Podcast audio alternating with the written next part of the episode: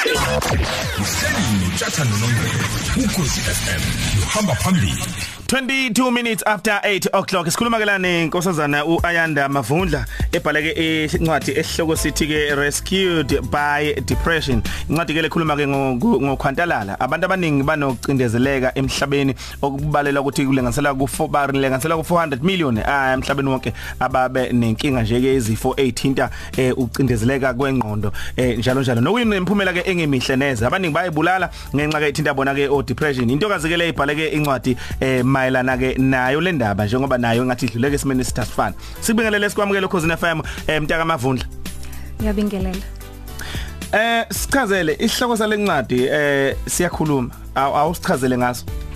Um i okay ngicela ukubingelela abalaleli emakhaya. Uh u rescued by depression. For me ngithi ngasindiswa noma i was rescued by depression. Ngicabanga ukuthi ekwazini for me to know ukuthi nginaleyo nkinga ikona okwa nikeza light mm um bengizibuza bengumntwana obabli bengumntwana ophaphile phakathi kwabantu kodwa mengingedwa benginomuzwa nje ukuthi ngifuna ukuba ngedwa ngiyakhala ngaso sonke isikhathi. Self esteem yami low confidence yami ayikho.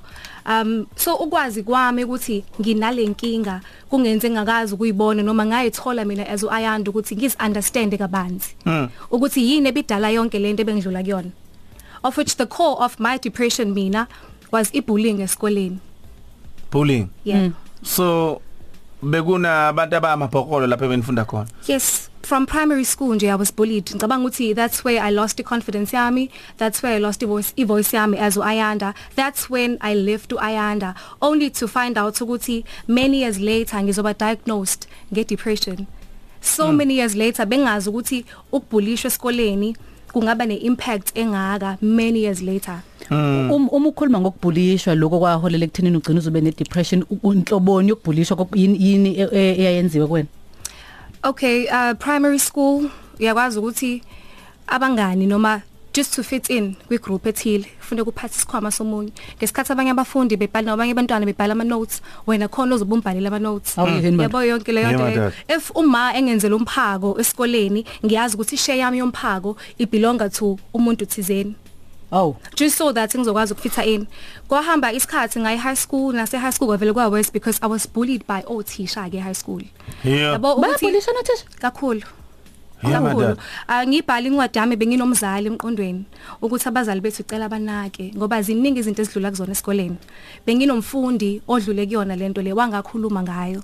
Benginothisha ukuthi uthisha azi impact amagama akhe anayo emfundini noma enganeni yesikole. Because mina i remember uthisha wami maths wangitshela ukuthi ngeke ngibe lutho empilweni. Wathi ngeke kube lutho? Wathi ngeke ngibe lutho empilweni because Kusho benga uthisha? understand isifundo sakhe yebo.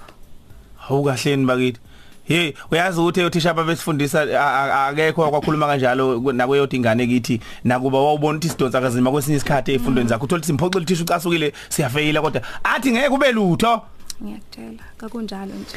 Wa- wayibhala ke incwadi Yo. eh, we we- we Ayanda ukhuluma ngale depression ukhuluma nabantu abasha ukhuluma nothisha ukhuluma nabazali.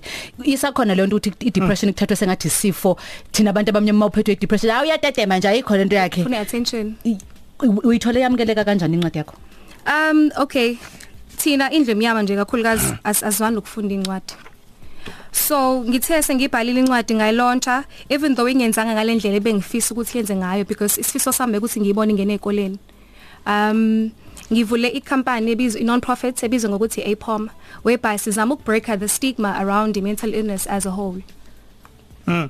yes. So Okay. ila khona siba khona nama platforms whereby siya siyakhuluma nabantu siyabasiza abantu ukuthi bathole usizo olufanele. So, bayafika abaningi futhi? Kakhulu. Njengomgqibelo bekumele sibe ne walk um whereby we breaking the stigma eMaritzburg. Mm. unfortunately one of the sponsors the main sponsors e printing uphule out asazi ukuthi kuzokwenzakala kusazokwenzeka yini noma kuzokwenzakalani mm -hmm. but sozama ukuthi siqhubeke. Since kuyi awareness month ye mental illness siyazama to break the stigma sihlangane nomphakathi ukuze siqoqozele siqoqozele nabantu ukuthi bakhulume Okay. ngezimo ababhekana nazo. Kezwakala ntombi. Ngiyazi abantu bazofisa ukuthi bayithole le ncwadi ngoba abaningi abangasizakala mangabe bengayifunda. Ba- bazoyithola kanjani? Iyatholakala eAdams Bookstore eMaritzburg. Okay. Uh noma bangaxhumana nami. Mhm.